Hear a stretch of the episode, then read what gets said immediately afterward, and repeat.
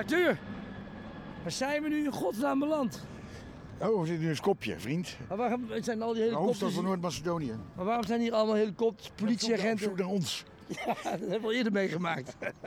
Ja, tijdens de Dakar-rally. En weet je nog, in Argentinië. Ja, precies. Maar dit is toch wel een andere koek, want het is overal Allemaal, bewapend. allemaal demonstraties over de regering. Het gaat allemaal over, over politiek Noord-Macedonië. Dat, dat het eigenlijk Bulgarije. Heet. Bulgarije. Dus dit is weer... Griekenland. Bulgarije grenst natuurlijk aan Macedonië. En die willen, die willen hun, hun deel eigenlijk hebben. Hun etnische... Zeg maar, aan de grens... Nou ja, goed, verkort, maar dat heeft niks met ons programma te maken. Nee. Ik, Rob Muns, ben afgereisd naar de Balkan om daar Arthur te ontmoeten en om hem te vergezellen in zijn zoektocht naar de Europese islam voor zijn nieuwe boek Safari Arabia.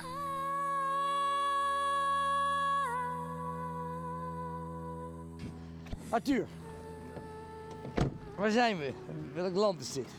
Het is eh, zaterdag, dus het zal wel Albanië zijn, hè? Het Saturday, it must be Albania. en, dan, en, en we, we, zijn, we lopen nu in een dorpje in the middle of nowhere. Ja. Met onze gids. Met onze gids. En die heeft, die heeft een, een hostel, zegt hij. En hij- heeft heeft een reisbureau. Ja, ja. En hij heeft, een, hij heeft, eh, hij heeft heel veel. En nu heeft hij, is hij zo aardig om ons uit te nodigen op het slachtfeest. Ja. Ah, dag. Wat is het? Bayram, Bayram, een slachtfeestje, offerfeest. But you say it's uh, de offerfeest. Koerban, ja. Maar wat wordt nu geofferd dan? Het is alleen maar brood. Dat is helemaal niks. Thank you guys. Ja, thank you. We gaan nu ritueel, neem je, neem je ritueel een, een slokje, Arthur. Niet een slokje. Laat even horen. Een stil biertje. Laten we ritueel een slokje Doe met zo'n hebben. Nee, even niet, maar ik, Een ritueel slokje. ik ga bijna dood, man. Wat dan? Oké. Oh, een beetje peper en zout is wel gemogen, maar het is te laat. een eurotje geven.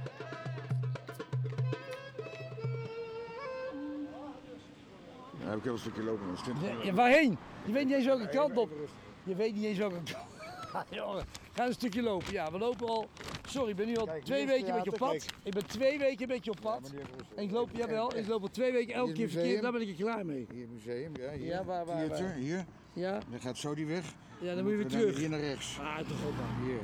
Ja, dan weer naar links. Kijk, maar Nee. geef, hij geeft twee soorten aan. Hier, dan geeft hij weer een bruin, nee, geeft hij weer zo'n bruin tikje aan. Nee, hier moet je naar rechts. Zie daar. Nee, ja. Wat we dan maar doen, dan maar zwaar lekker weer. Arthur, waar zijn we? Ja, dat is een straatje bij mij op de hoek van mijn hotel destijds. En hier, hier verkocht de professor al zijn LP's. En dit kroegje herinner ik heel goed. Dat staat, dat heb je over geschreven. En hier was de discotheek waar met Serge. Heer Downs. Wat? Wat? Er was hier een kelderdiscotheek. Er waren allemaal soldaten die aan het dansen. En het was een bar, een discotheek, een kelder. Het was hier, hè? Historische plek voor jou.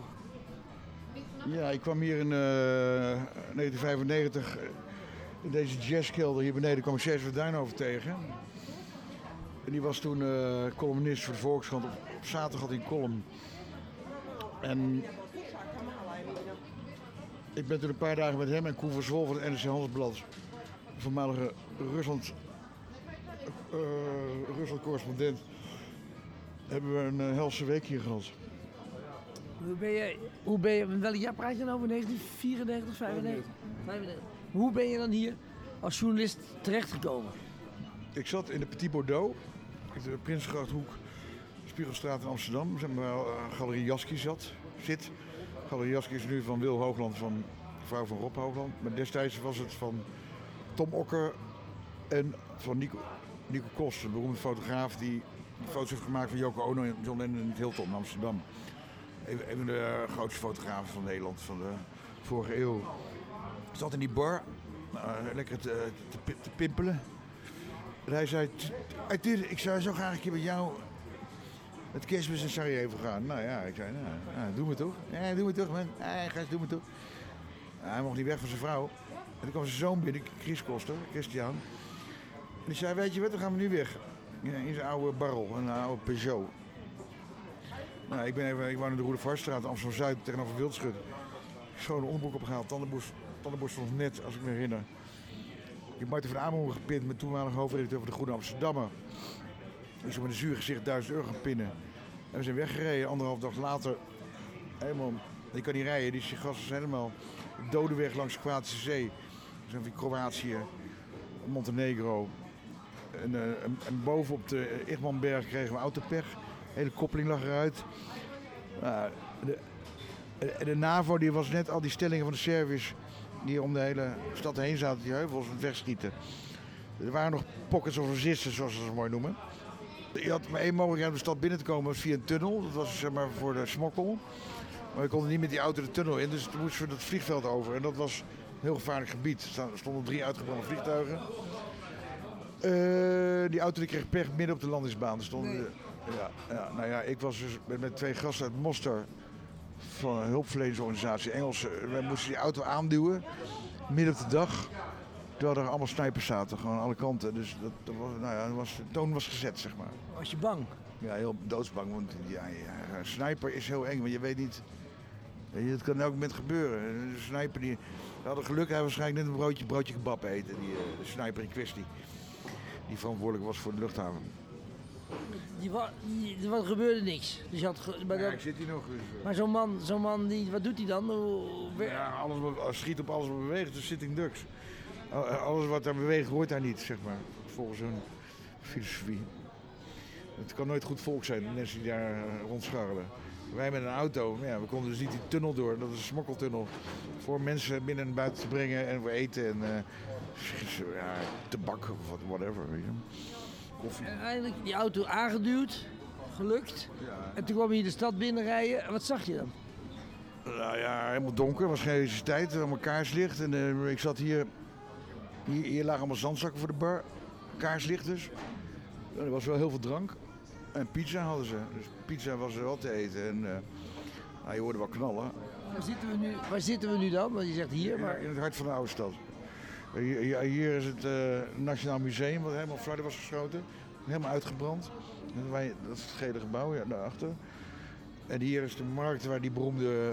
Die, de, de officiële reden van de NAVO om te gaan aanvallen was die, die beschieting met de markt. Dat er 60 mensen helemaal uitgereten werden, weet je. De, de, Volkskrant stond op de voorpagina die foto. Gewoon een lepper. Kan je die foto nog herinneren? Dat was op zaterdagmorgen in de Volkskrant. Nou, je hebt zo'n markt, die hebben allemaal scharrelaars en eh, een bloemkooltje, wat, ze nog hadden. En toen is er een granaat op die markt ontploft. En in de Volkskrant zag je een vent over een hekje hangen als een darmen eruit. Die was gewoon in tweeën gehakt. Die twee delen van zijn romp hingen nog net aan elkaar met een paar draadjes. En dat was het moment dat de hele wereld zei, we moeten die, die bosjes nu gaan redden. En dat was eh, Clinton en, eh, en de VN. Die zijn toen we gaan beschieten. Maar dit was dus net... eh, Ik kwam net in die hel terecht, zeg maar. En je, hoe weet je dat je veilig bent? Dat weet je nooit. eh. Dat is de angst. Dat je weet niet waar het vandaan komt en wanneer het gebeurt. En dat is een gekmakende... Als je eraan gewend bent als je hier vier jaar woont, oké. Maar ik was niet gewend. eh, als- Als Eden, Edenaar van de Veluwe.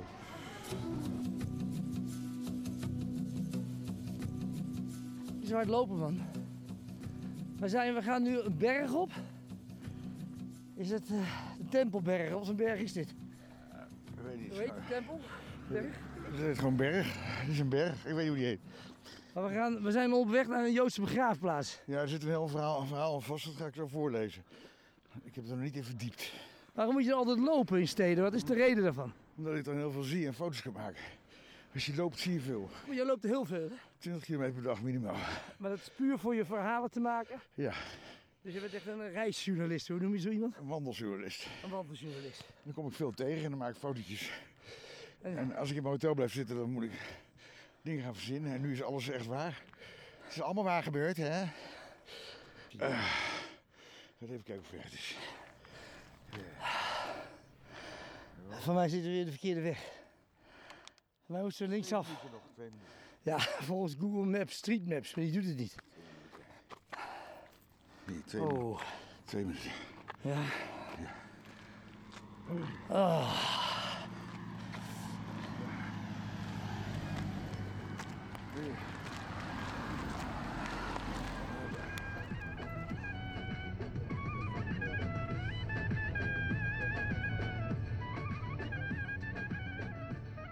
Ik schreef Brussel-Arabia 16 jaar geleden en het werd tijd. Dus iedereen zeurde mijn kop. eh, Wanneer komt de opvolger, meneer Van Amerongen, professor Van? Dus toen dacht ik van, nou ja, ik ga wat groter maken. Want ik heb zo lang in Zuid-Amerika gewoond. Eh, en het werd tijd dat ik mijn eigen Europa weer eens leerde kennen. Dus ik dacht, dan maak ik gewoon Safari Arabia van. Dus van Brussel-Arabia werd het Safari Arabia. Dus ik denk, dan kan ik gewoon eens een keer door al die landen waar ik vroeger graag kwam. En bovendien heb ik dan interessante invalshoeken, dat is de islam. Kijk, normaal ga je gewoon op vakantie om ja, te zuipen, te neuken, whatever. Of in de zon te liggen. Maar ik ging op zoek naar de islam. Maar welk land heb je aangetroffen als in de slechtste staat? Nee, België. België blijft absoluut het, eh, de nachtmerrie, de islamitische nachtmerrie. En vooral eh, Brussel. Bij Molenbeek is het allerergste. Is de hel. Is de islamitische hel in Europa. Dat, het is niet voor niks dat al die, al die, al die, eh, die terroristen, zelfmoordterroristen en die niet-zelfmoordterroristen daar vandaan komen. Maar is het een soort failed state? De, eh, België is sowieso een failed state. Ik noem het altijd Belgiek, Belgiekistan of Belgistan. En Brussel is een failed city. Bru- gewoon Bru Brusselistan. Maar jij bent daar, eh, de, eerste keer ben je daar rondgelopen, ben je, ben je naar de preken geweest, je bent naar de boekwinkels ge- ge- geweest. Zijn die, ligt er nog steeds Mijn Kamp in de boekwinkel? Of is het Ah, alle- alles ligt er. Je kan echt de meest vreselijke boeken vinden. Nog steeds? Tegen joden, tegen homo's, tegen vrouwen, tegen christenen, tegen boeddhisten. Tegen andere moslims zoals Sisiïten. Eh nou, een hele, lofzang op eh, meneer Adolf Hitler. Dus het is, dat ligt er gewoon open en bloot in het Nederlands, in het Frans, in het Engels, in het Arabisch. Maar is er dan veel veranderd in die 14 jaar? Is dit toch niet iets? Nee, het is erg geworden. Wat? Nou ja, als je bijvoorbeeld in Molenbeek op de markt gaat op, eh, op donderdag, dan... Vroeger had je nog wel, zeg maar, 20% vrouwen die zonder hoofddoek gingen shoppen. En nu is het... Nu, nu, ben je echt verbijsterd als je een vrouw ziet met, met- zonder hoofddoek. En bovendien, je had vroeger nog wat cafés in, in, in, Molenbeek waar alcohol verkocht werd van oude, oude Brusselaren. Nou, die zijn allemaal dicht. De, winkeltjes waar alcohol werd verkocht, dat waren vaak Pakistani. Nou, dan, gaat er, dan gooi je die Marokkanen daar een brandbom door, door de raam, door de ruiten. En dan ja, gebeurde, gebeurde echt. Want al die, die Pakistanen zijn nu weg of ze verkopen geen alcohol meer. En het enige café waar alcohol wordt geschonken, dat is van een hele aardige Turk. En dat is tegenover het politiebureau toevallig. En, en, en de kops die gaan daar dan ook een biertje drinken. Dat is een schitterend café. Maar verder is er geen alcohol meer in Molenbeek. Droog gelegd. Wanneer dacht je dan van ja, dat is niet echt. ze zijn moeilijk in te passen in onze samenleving, de, de moslims. Nou, bij mij is het kwartje gevallen eigenlijk na 9-11 natuurlijk. Ik ben een klassieke sociaaldemocraat die toch altijd gelooft dat de seculiere sociaaldemocratie goed is voor de samenleving. Maar ja, ik begon vanaf 11 september 2001 door te hebben dat de islam daar haaks op staat. En, die, die kan er niet mee samenvallen. Een islamitische staat gaat niet samen met een sociaaldemocratie. En met de Arabische lente zag je in werkelijkheid wat de islam doet als ze eenmaal aan de macht is. Mannen en vrouwen segregeren, scheiden dus, alcohol verbieden en de rechten van allerlei minderheden grondig terugschroeven. Dat doen ze. Ja.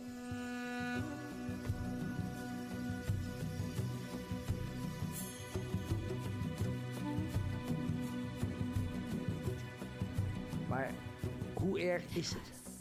Als je iets wil weten over de islamisering van België, moet je Wim van Rooij bellen. Dat is een van de belangrijkste eh, onafhankelijke denkers van België. Zijn zoon Sam van Rooij zit in het parlement voor het Vlaams Belang. Een goede vriend van mij. Vlaams blok. Nee, het heette vroeger Vlaams Blok, het heette Vlaams Belang.